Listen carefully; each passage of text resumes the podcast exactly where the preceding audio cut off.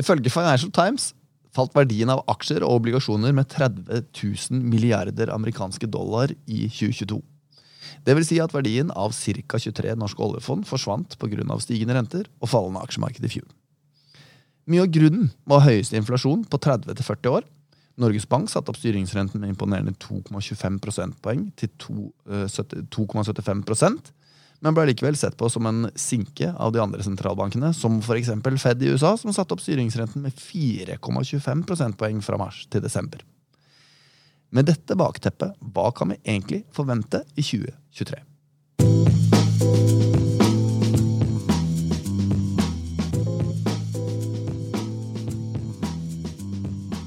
Mitt navn er Fredrik Ask Stensrud, og i dag så skal vi oppsummere 2022 og se på utsikter for 2023. Eh, og jeg er ikke alene. Som vanlig så har jeg med vår sjefstrateg Anders Johansen. Velkommen, Anders. Hei, hei, og godt nyttår. Godt nyttår. Uh, ja, vi, se, vi, vi, har jo hatt en del tematiske episoder, men i dag så skal vi se litt på hva vi kan forvente av 2023. Men, uh, men før vi går over til det Vi har jo nettopp lagd en episode om kryptovaluta. Vi har lagd en episode om halvleder eller uh, chips. Som vi fikk beskjed om at vi ikke burde kalt halvleder i denne episoden, for det vet ikke folk hva er. Eller, vite, eller de vet mer om hva en chip er. Uansett, har du noen favorittepisoder av de programmene vi lagde i 2022? Det er et godt spørsmål. Eh, først så tenkte jeg måtte eh, takke alle som eh, hører på oss. Jeg har både vært i juleselskap og på skitur i Nordmarka rett før jul. Og folk som da har, sier at de hører på Danske Bankers. Det er jo veldig gøy. Og så må jeg oppfordre folk da til å, å, komme med innspill på Twitter, enten til Fredrik eller meg, på hva man ønsker å høre mer om i 2023. Det trenger ikke bare være hva vi tenker på, det kan også være ønsker. Gjør, så gjør gjerne det. Når det gjelder en eh, favorittepisode, så er det jo mange muligheter. Jeg syns vi hadde mange bra episoder i fjor. Jeg tenker Strømmarkedet del 1 og 2 synes jeg jo var gøy. Det grønne skiftet hadde vi. Indeksforvaltning. Vi snakket jo som du nevnte, både om halvledere og krypto. Eh, begge de var jo også veldig bra, men min favoritt det er nok fortsatt eh, den episode 7 som handlet om hva man skulle lese i sommer. For på meg så ble jo det en sånn mimresesjon hvor jeg kunne ja, tenke meg litt om og lese litt, uh, lese litt i disse bøkene osv. Så, videre. så Så det syns jeg var veldig bra. Um, men hvordan er det med deg, egentlig? Har du noen favoritter? Det var gøy med Strøm 1 og 2. Ja, da skjønner du i hvert fall uh, the level of nerdiness som er i den uh, bokepisoden. Men jeg tror jeg er enig med deg, faktisk. For meg så var også den episoden om hva du burde lese i sommer, en av de som jeg syns var mest interessant litt funny også å, å, høre at vi har lest veldig mye av de samme bøkene. Eh, og jeg mener at den episoden er akkurat like aktuell eh, før neste sommer som den var i fjor. Det er på en måte liksom, Du hører på én time, og så kan du få 1000 timers eh, nytelse etterpå ved, hvis du begir deg ut på noen av de bøkene som vi anbefalte. Jeg tror vi må, vi må, fylle på litt. da. Så det kommer vel en, kan vi, vi må prøve å få til en episode med et par nye bøker vi ja. leste i løpet av 2022. Helt, helt klart. Men jeg kommer ikke unna Det har jeg nevnt veldig mange ganger i de andre episodene som vi har hatt. Men jeg kommer ikke unna koronaepisoden vår fra januar 2020. Jeg foreslår at folk går tilbake og bare hører på den, selv om sikkert alle er drittlei av korona. Så var det litt funny, for da var det jo ikke Jeg tror det var 14, 14 000 smitta på global basis når vi lagde denne episoden. Eh, og det er litt eh, gøy å høre da om noen av de prediksjonene vi, eh, vi gjorde i den episoden, faktisk viste seg å være riktig. Eh, men i eh, Jeg vil trekke fram en annen episode. For i desember 2021 så eh, lagde vi en episode som het 'Innfasing av midler eller all in'. Hva tenker du om timing og innholdet i den nå? Ja, Det er et godt uh, poeng, Fredrik. Jeg syns jo den var uh, veldig bra. Altså, Min første tanke er jo innfasing. Eh, det er en av mine fanesaker, egentlig. Ja, og da Kanskje vi skal ta en liten recap av hva innfasing egentlig er? Ja, Det må vi gjøre. For, eh, la oss ta et eksempel. da. Si at du arver eh, million, og så skal du spare langsiktig. Så tar du en diskusjon med en rådgiver og kommer frem til at du har både en tidshorisont som er lang, du har en risikovilje som tilsier at du skal putte alt i aksjer. Og så har du også valgt hvilke fond du skal i. Men så kommer spørsmålet når skal du plassere pengene i eh, markedet? Og, og mange sier jo det at ettersom markedet i snitt stiger 7-8 eh, per år, så bør man plassere alt med en gang. De sier også det at um, at, Hvis man ikke har noe syn på markedet, så må man også bare ta alt inn med en gang. Det er liksom også fort, fortsette på den 7-8 Men det der er jeg egentlig bare delvis enig da. Fordi man kan ikke bruke snittallene tenker jeg da, for en enkeltinvestor. For det, markedet svinger mye. Vi er mennesker, så vi er ikke helt uh, rasjonelle. Verken når det gjelder investeringer eller andre beslutninger vi gjør. Um, og så er det det faktum at Du skal jo bare gjøre det én gang. ikke sant? Du har arvet én million kroner. Det gjør du bare én gang. Uh, og du får ikke uh, muligheten til å, å, investere det eller gjør, prøve om og om igjen, som man i, snitt, i, i prinsippet gjør hvis man da får um, får, uh, eller tar disse snittallene. Så Derfor så er jeg egentlig tilhenger av at man, man bør fordele da innskuddet, eller den ene millionen, over flere ulike uh, tidspunkter. Uh, og det er jo det vi omtaler som innfasing. da.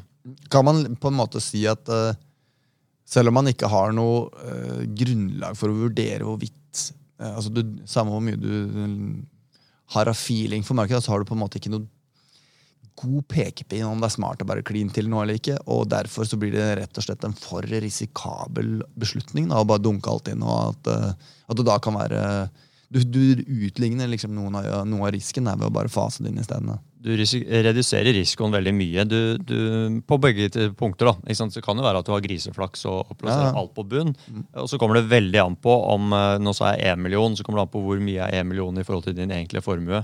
Hadde vi sagt 100 eh, millioner, så er det klart at da, da tror jeg de fleste hadde vært enige at ja, da tar ikke alt på én dag. Da da sprer du det utover. Og, så det, det, kommer an på hvor mye penger det er snakk om, hvor mye penger du har og kommer, kanskje kommer til å få i forhold til hvor mye du tjener osv.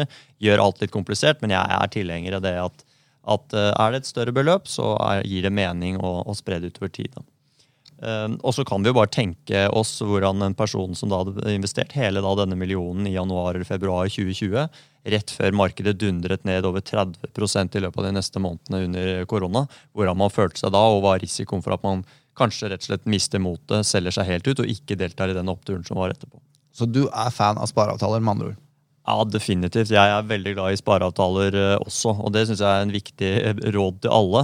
Istedenfor å sitte og akkumulere eller samle opp store beløp på sparekontoen og plassere alt på ett tidspunkt, så anbefaler jeg folk å, å, lage en spareavtale. Gjerne på den dagen du får lønn. Så ser man egentlig ikke noe til de pengene i det hele tatt. Man bare trekker det rett ut av konto den dagen man får lønn. Og så plasseres det i markedet jevnt og trutt. Det, det syns jeg er en, en, god strategi, og har også vist seg å være veldig lønnsomt i perioder hvor det svinger mye. Så Når det gjelder den podkastepisoden i desember 2021, da, så, så, viste det seg å være et veldig godt råd akkurat på det tidspunktet. Eh, det, var jo, det har svingt mye i fjor. Jeg tror de som hadde gjort en sparatale, hadde nok kommet bedre ut av det. Men uavhengig av det så er jeg altså tilhenger av, eh, av innfasing. Så samme rådet gjelder uansett? Absolutt. Ja. Ok, Er du klar for en liten utfordring? Det er jeg. Eh, du har jo faktisk blitt litt bedre til å oppsummere, ettersom vi har fått litt erfaring i denne podcasten her. Men jeg vil utfordre deg til å oppsummere 2022 på 60 sekunder. Klarer du det? Usikker på om jeg klarer det, men jeg kan prøve. Men, eh, men eh, risikoen er jo da at jeg, at jeg, snakker veldig fort. Jeg er blitt beskyldt for det. Jeg hører, jo, det. Jeg, jeg, jeg hører jo på podkaster på mellom 1,5 og 2-gangeren. Og da er det noen som har sagt at det kan være derfor du prater fortere og fortere. Du, du, vi, om det går litt over 60 sekunder, så gjør ikke det noe. Okay. Shoot. Greit. Så 2021 da, var jo et veldig sterkt aksjeår. Derfor så startet jo også 2022 med høye forventninger. Og Inflasjonen var eh, allerede høy da vi begynte året, og den var stigende fra start. Så relativt tidlig så gikk det opp for sentralbankene at dette er ikke forbigående. Og så begynte de å sette opp rentene eh, i mars de fleste av dem, men eh, det begynte ikke egentlig å sette opp rentene eh, for alvor før i, i juni. Det var da det virkelig skjøt fart. da. Så kom Ukraina-angrepet eh, fra Russland i februar, og det forsterket det som allerede var en alvorlig energikrise i Europa. Så å si alle økonomene de, vi hadde undervurdert hvor sterk verdensøkonomien var på vei inn i 2022. og Effekten da av kraftig stimulans, superlav arbeidsløshet, Eh, det mm, gjorde at eh, sentralbankene egentlig bare måtte sende opp rentene mer og mer og raskere og raskere enn eh, først antatt. Så aksjer falt periodevis ganske kraftig, men også perioder med ganske kraftig stigende markeder i løpet av 2022. Og mye av ubalansen og usikkerhet, den, usikkerheten den kom til syne da gjennom sterkt svingende valutakurser. Dollaren hadde en periode steget med nesten 20% mot euro. Det er en veldig stor bevegelse for de største valutaene i, i verden. Og norske investorer vi ble jo veldig godt beskyttet av da en stadig sterkere norsk krone. Um, nei, unnskyld, svakere norsk krone. Uh, så, så, det som var et uh, 15% fall for globale aksjer, ble bare rundt 6 da om, omregnet til norske kroner.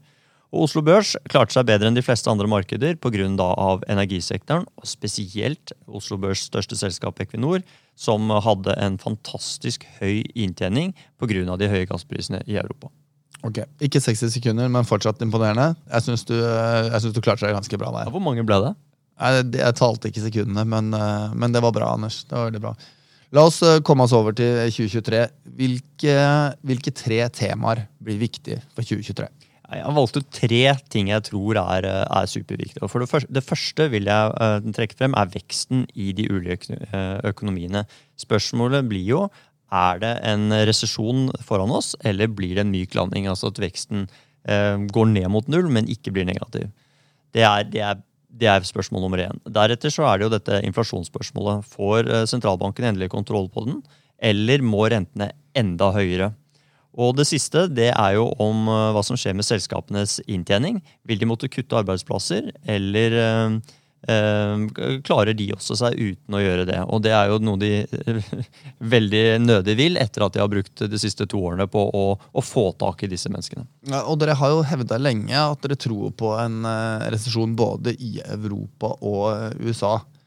Jeg har stilt spørsmål før, men jeg stiller det igjen. Hvorfor tror dere det? Jo, Økonomiene de er jo sykliske. så Vi vet at i, i visse perioder så vokser de langt over da, trenden, den kapasiteten økonomien har til å vokse over tid. Eh, og i andre perioder så vokser de langt under. 2021 var jo som sagt et, et år hvor de vokste langt over trend, og det skyldtes egentlig tre ting. For det første så var det jo innhentingen etter eh, covid. Det var eh, kraftige stimulanser også under korona, sånn at folk fikk rett og slett mer penger mellom hendene. Og så var det lav arbeidsløshet, lave renter og høy utlånsvilje hos bankene. Og Alle de tre, tingene, eh, de tre faktorene de medførte at veksten i 2021 ble langt over trenden. Eh, og, og som jeg sa i sted, så begynte jo derfor også 2022 med høy vekst og høye forventninger. Men så finnes det en del ulike ledende indikatorer da, som sier noe om hvor, eh, hvordan økonomiene skal gå fremover. Og En vanlig sånn indikator det er det vi kaller en eh, PMI, en innkjøpssjefsindeks. Rett og slett en eh, et spørreundersøkelse som man sender ut til ulike ledere i bedrifter, eller innkjøpssjefer. Og så spør man hva er det de ser fremover i krystallkulen. Og det har eh, vist seg å være en ganske god indikator på hvordan økonomien går fremover i tid. Gjerne så ligger den seks måneder før. Og akkurat nå så ligger disse PMI-ene på området 45 60 nei, unnskyld, 40-50-50, som indikerer da en svak negativ vekst fremover. Uh, og I tillegg så er jo trenden fallende. Den har bare falt og falt og falt uh, ganske lenge nå. Og det har egentlig ikke vært noe, noe, tegn på at den er i ferd med å snu. Um, og, og, derfor så For hver, for hver måned den kommer inn på enda lavere nivåer, så øker sannsynligheten for resesjon. Um, så det er eksempler på at det har gått bra på de nivåene vi er i dag, men, men det kom også tall fra forrige uke i USA, og igjen pekte de enda, lavere, enda lenger ned. Uh, og um, så lenge det går i den retning, så blir vi egentlig bare tryggere og tryggere på at det er der, den veien også økonomien går. da. Så finnes det også et par andre ledende indikatorer, sånn som f.eks. boligmarkeder, rentekurven, styringsrentene og hvor mye de ble satt opp i løpet av fjoråret. og Det fortalte du i innledningen her. F.eks. USA med 4,25% fra mars til, til um, desember. Og, og egentlig uh, eh, 3,5% av det kommer jo fra juli og frem til desember. Så det er vanvittig mye på, på kort tid. da. Alt det peker i retning av en resesjon. Ja. Men hvordan vil, det, øh, vil dette påvirkes av utviklingen i inflasjonen? Det, det, blir, eh, det, blir, viktig. Vi må huske at Det finnes to typer inflasjon. Da. Det ene er den som er med øh, energipriser og matvarepriser, og så er det den som er uten. Og uh, også bare for å nevne det Når man ser på inflasjon, da, for det er en ting som irriterer meg litt her eh, i, i, mediebildet, det er jo det at de, I mediene så ser man hele tiden på må, nei, år over år, altså endring fra forrige år. Men man må huske det at hver gang det, altså månedvis så kommer det nye tall. Og da er jo elleve av de månedene allerede kjent. Eh, sånn at det er ikke noe vits egentlig å se på de elleve månedene, men bare se på hva skjedde den siste måneden. Så for dere, hvis dere ønsker liksom å gå ett steg videre på inflasjons, eh, observasjonene, så se bare på hva har skjedd den siste måneden. Ikke bry dere om hva som står i, i overskriftene i, i, veldig mange aviser.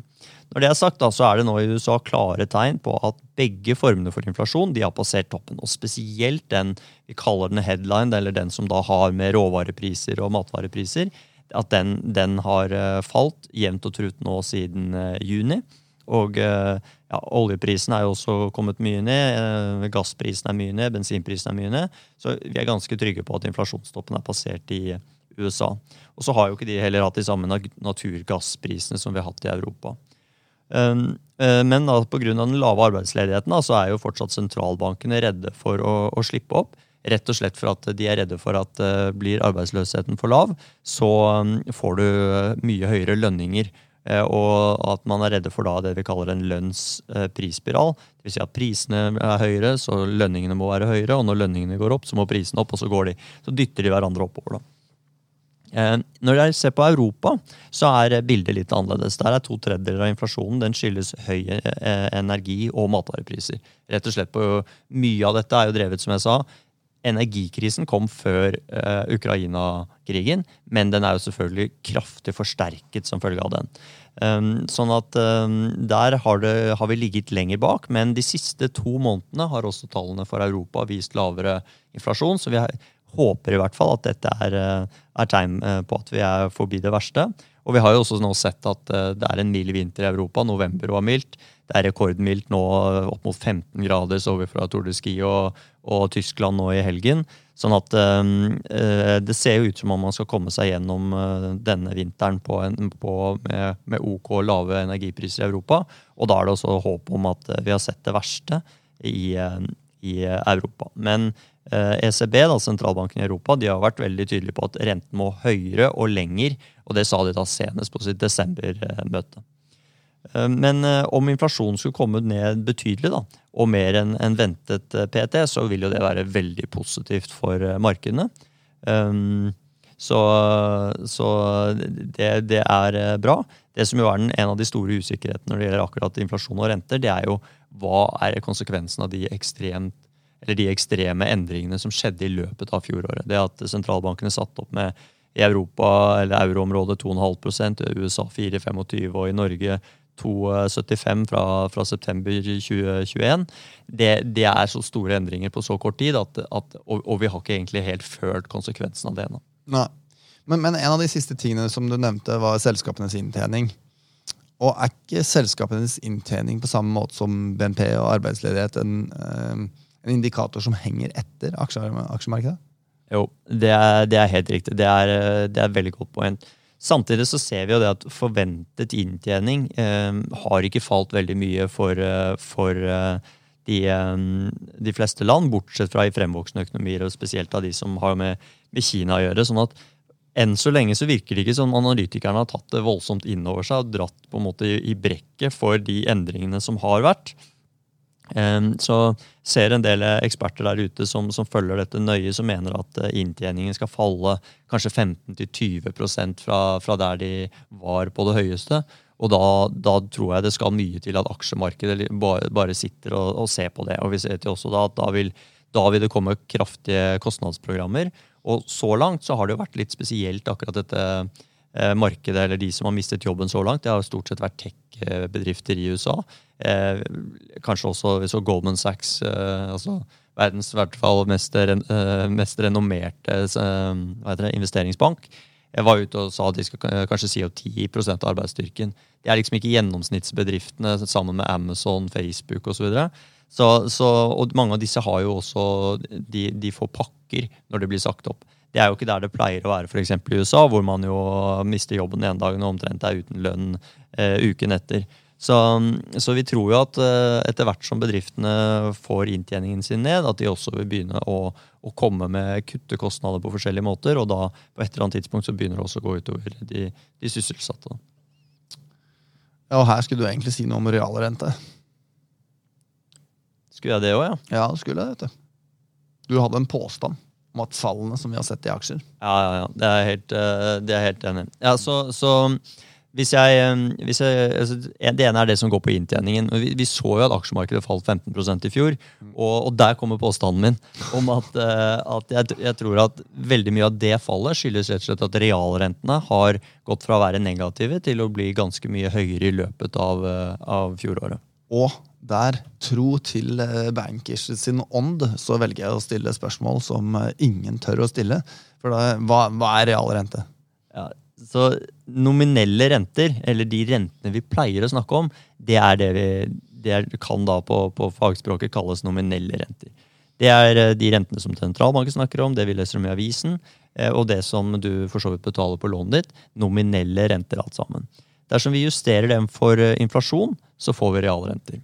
Så er det en litt sånn diskusjon hvilken inflasjon skal vi justere for. Er det den realiserte, altså den du leser i avisen, eller er det forventet eh, inflasjon fremover osv. Men, men uansett, en eller annen form for eh, justering da nominelle, nominelle renter, så får du realrentene. Og, selskap, og hele Poenget her er jo det at selskapene de klarer over tid å justere eh, inntjeningen sin for eh, inflasjon. Dvs. Si at når kostnadene for å kjøpe inn varer stiger, så klarer de over tid, ikke nødvendigvis med en gang, men over tid, å sette opp prisene også for varene de selger, sånn at de blir kompensert for det høyere kostnadsnivået. Men når realrentene stiger, så er det mye vanskeligere å få den kompensasjonen.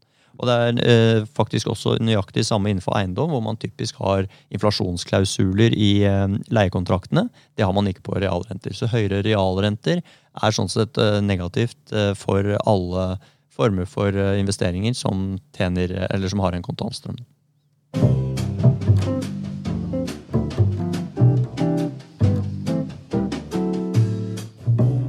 Ok, tilbake der vi slapp, Anders. Veldig glad for at du forklarte meg hva realrente er.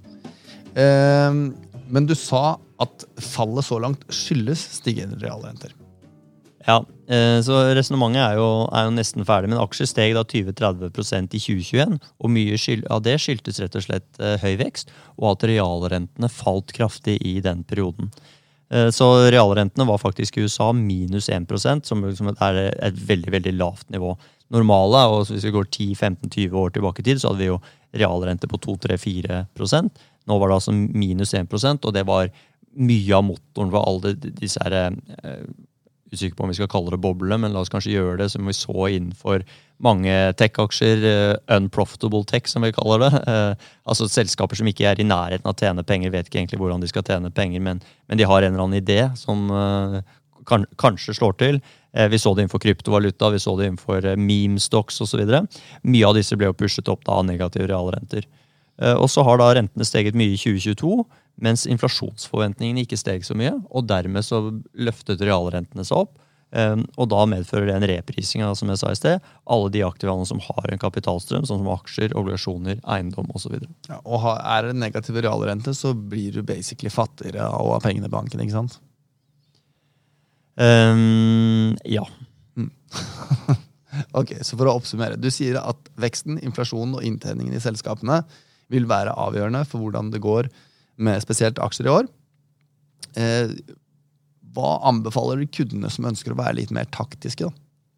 Ja, og Der er det viktig for meg å understreke det at, eh, at du, det du nevner nå, eller det vi skal snakke om nå, det er det taktiske. Og, og Grunnen til at jeg er litt sånn ekstra forsiktig med det, er at du vet at de aller fleste de, de bør ikke gjøre for mange justeringer underveis. Det er litt for lett å, å kjøpe aksjer når usikkerheten oppfattes som lav. Um, og aksjer har steget mye, og så selger man når usikkerheten blir stor og, og aksjer sånn sett har falt betydelig. Så, så for gjennomsnittsinvestoren så, så, skal man egentlig prøve å se gjennom disse tingene. Kanskje ha en spareavtale, sånn som jeg nevnte i sted. Men for de som likevel da, ønsker å være litt taktiske, så er vi for tiden eh, undervekt aksjer, og vi har overvekt norske obligasjoner med lav risiko. Altså ikke high yield-type høyrenteobligasjoner, men, men eh, de med lav risiko. Innenfor regioner så liker vi best fremvoksende økonomier, så de er vi overvekt. Og så tok vi nylig da USA til, eh, fra overvekt til nøytral, og så er vi undervekt Europa. Og blant aksjer så liker vi litt, han følger opp det jeg allerede har sagt, trygge kvalitetsselskaper best. Og kvalitetsselskaper det er da selskaper som har høye marginer, de har lav belåning, eller i hvert fall så har de god evne til å betjene de lånene de har, og så har de typisk sterke merkevarer. Og dette er selskaper som står seg best gjennom nedtur i økonomien, og ofte tar markedsandeler i den perioden.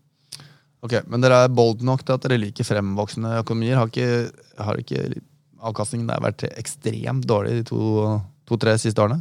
Jo, det stemmer.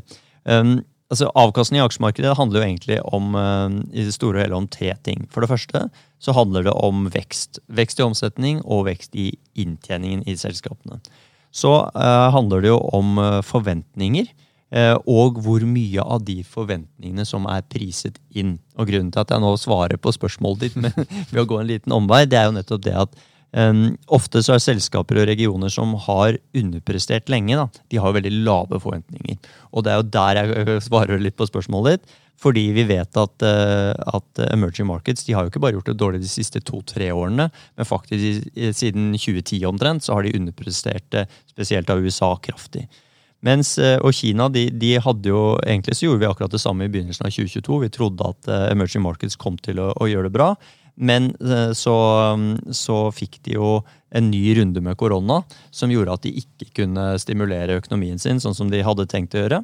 Eh, det som har endret seg nå, som endret seg for ca. en måned siden, det var jo at de har nå lagt bort hele denne nullsmittestrategien sin. Og på en ganske så brutal måte så har de revet av plasteret og så lar de korona fly gjennom befolkningen på, på, nå eh, veldig, veldig kort tid. Og vi har mange vestlige land som, som på en måte eh, lot det gå gjennom befolkningene, men da hadde man mye flere som hadde vært syke, og mye flere som var vaksinert. I Kina så hadde de ingen av de to tingene, egentlig. Og nå har de da sluttet å rapportere på hvordan det går. Eh, vi får ikke offisielle tall. Verdens helseorganisasjon har bedt om det, blant annet. Men, men, det står ganske dårlig til akkurat nå.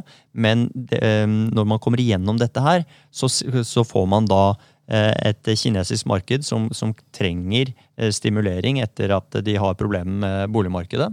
Det kommer de nå til å få. Og i tillegg så har de da oppdemmet etterspørsel etter nesten tre år med helt enormt kraftige begrensninger på hva de kan gjøre i befolkningen. Så mm, vi tror fortsatt at det er, eller jeg tror fortsatt at det er store utfordringer på lang sikt i Kina. Altså, De har boligboble, de har et demografisk problem som er mye større enn det vi har.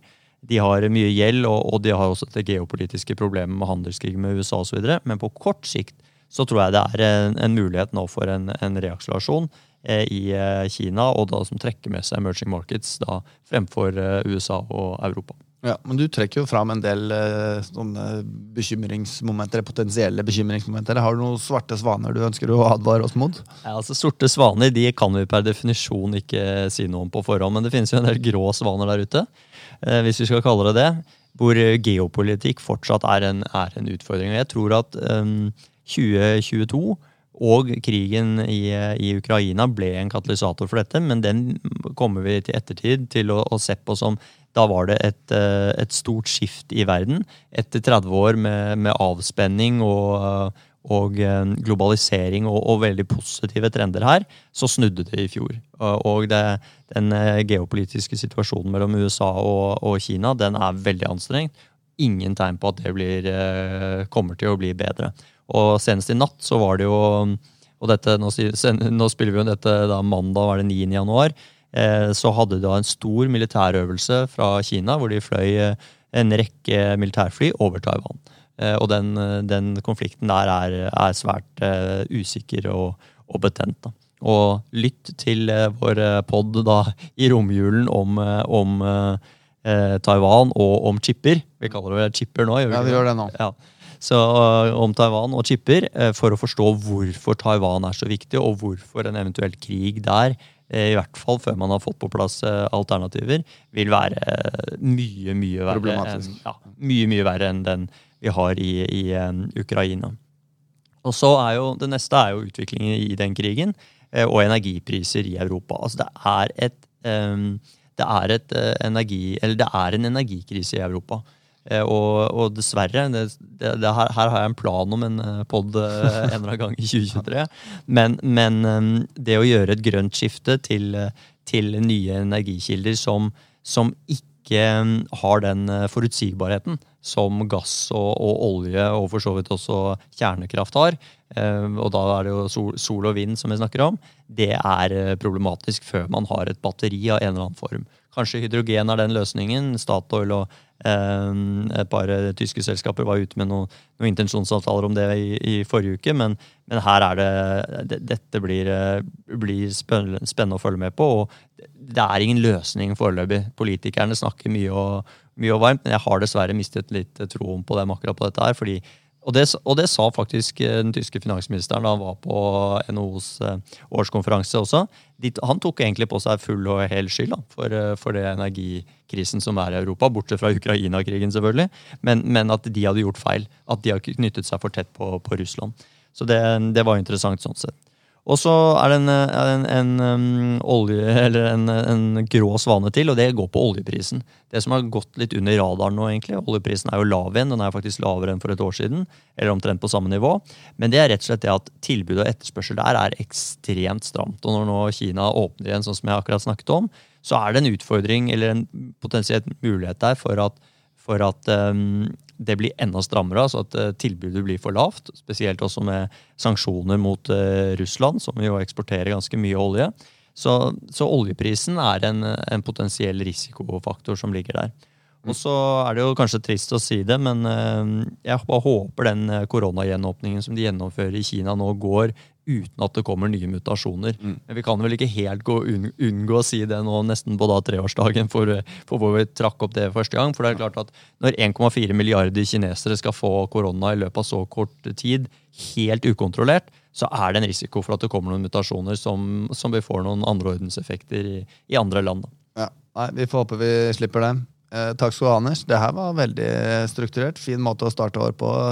Faktisk så fin at jeg eh, jeg drister meg ut på en egen oppsummering her, faktisk. Ehm, for 2023 så er det spesielt tre ting som vi mener at vi bør eh, se på. Og det er vekst, inflasjon og inntjeningen i selskapene. Over tid så drives avkastningen på aksjer av vekst i inntjeningen, som drives av vekst i økonomien, prising og forventninger til hva selskapene skal levere.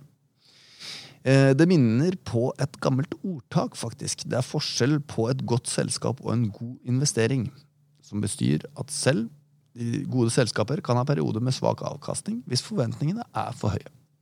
Eh, til slutt så eh, kan vi aldri spå sorte svaner på forhånd, men usikkerheten i markedet drives bl.a. av geopolitikk og forhold mellom Kina og USA, utvikling i krigen i Ukraina og et veldig stramt oljemarked som kan påvirkes av gjenåpningen i Kina. Hva tenker du om det, Anders? Jeg syns jeg nesten så jeg skulle sagt det selv. Ja, det er helt nydelig. Eh, husk at eh, du kan abonnere på podkasten vår der du hører på podkasten, og så kan du skru på varsler når du da abonnerer, slik at du får beskjed når eh, vi poster nye episoder, og det gjør vi natt til torsdag annenhver uke. Eh, husk også at du kan følge Anders på Twitter under handlet at makrojohansen. Og du kan også følge meg under handlet at askstensrud. Jeg poster ikke noe, men dere kan stille spørsmål og også komme med innspill og tips til temaer dere ønsker at vi skal dekke i denne podkasten. Da gjenstår det egentlig bare å si tusen takk skal du ha, Anders. Jeg gleder meg til de episodene vi skal lage i år. Så høres vi igjen om to uker.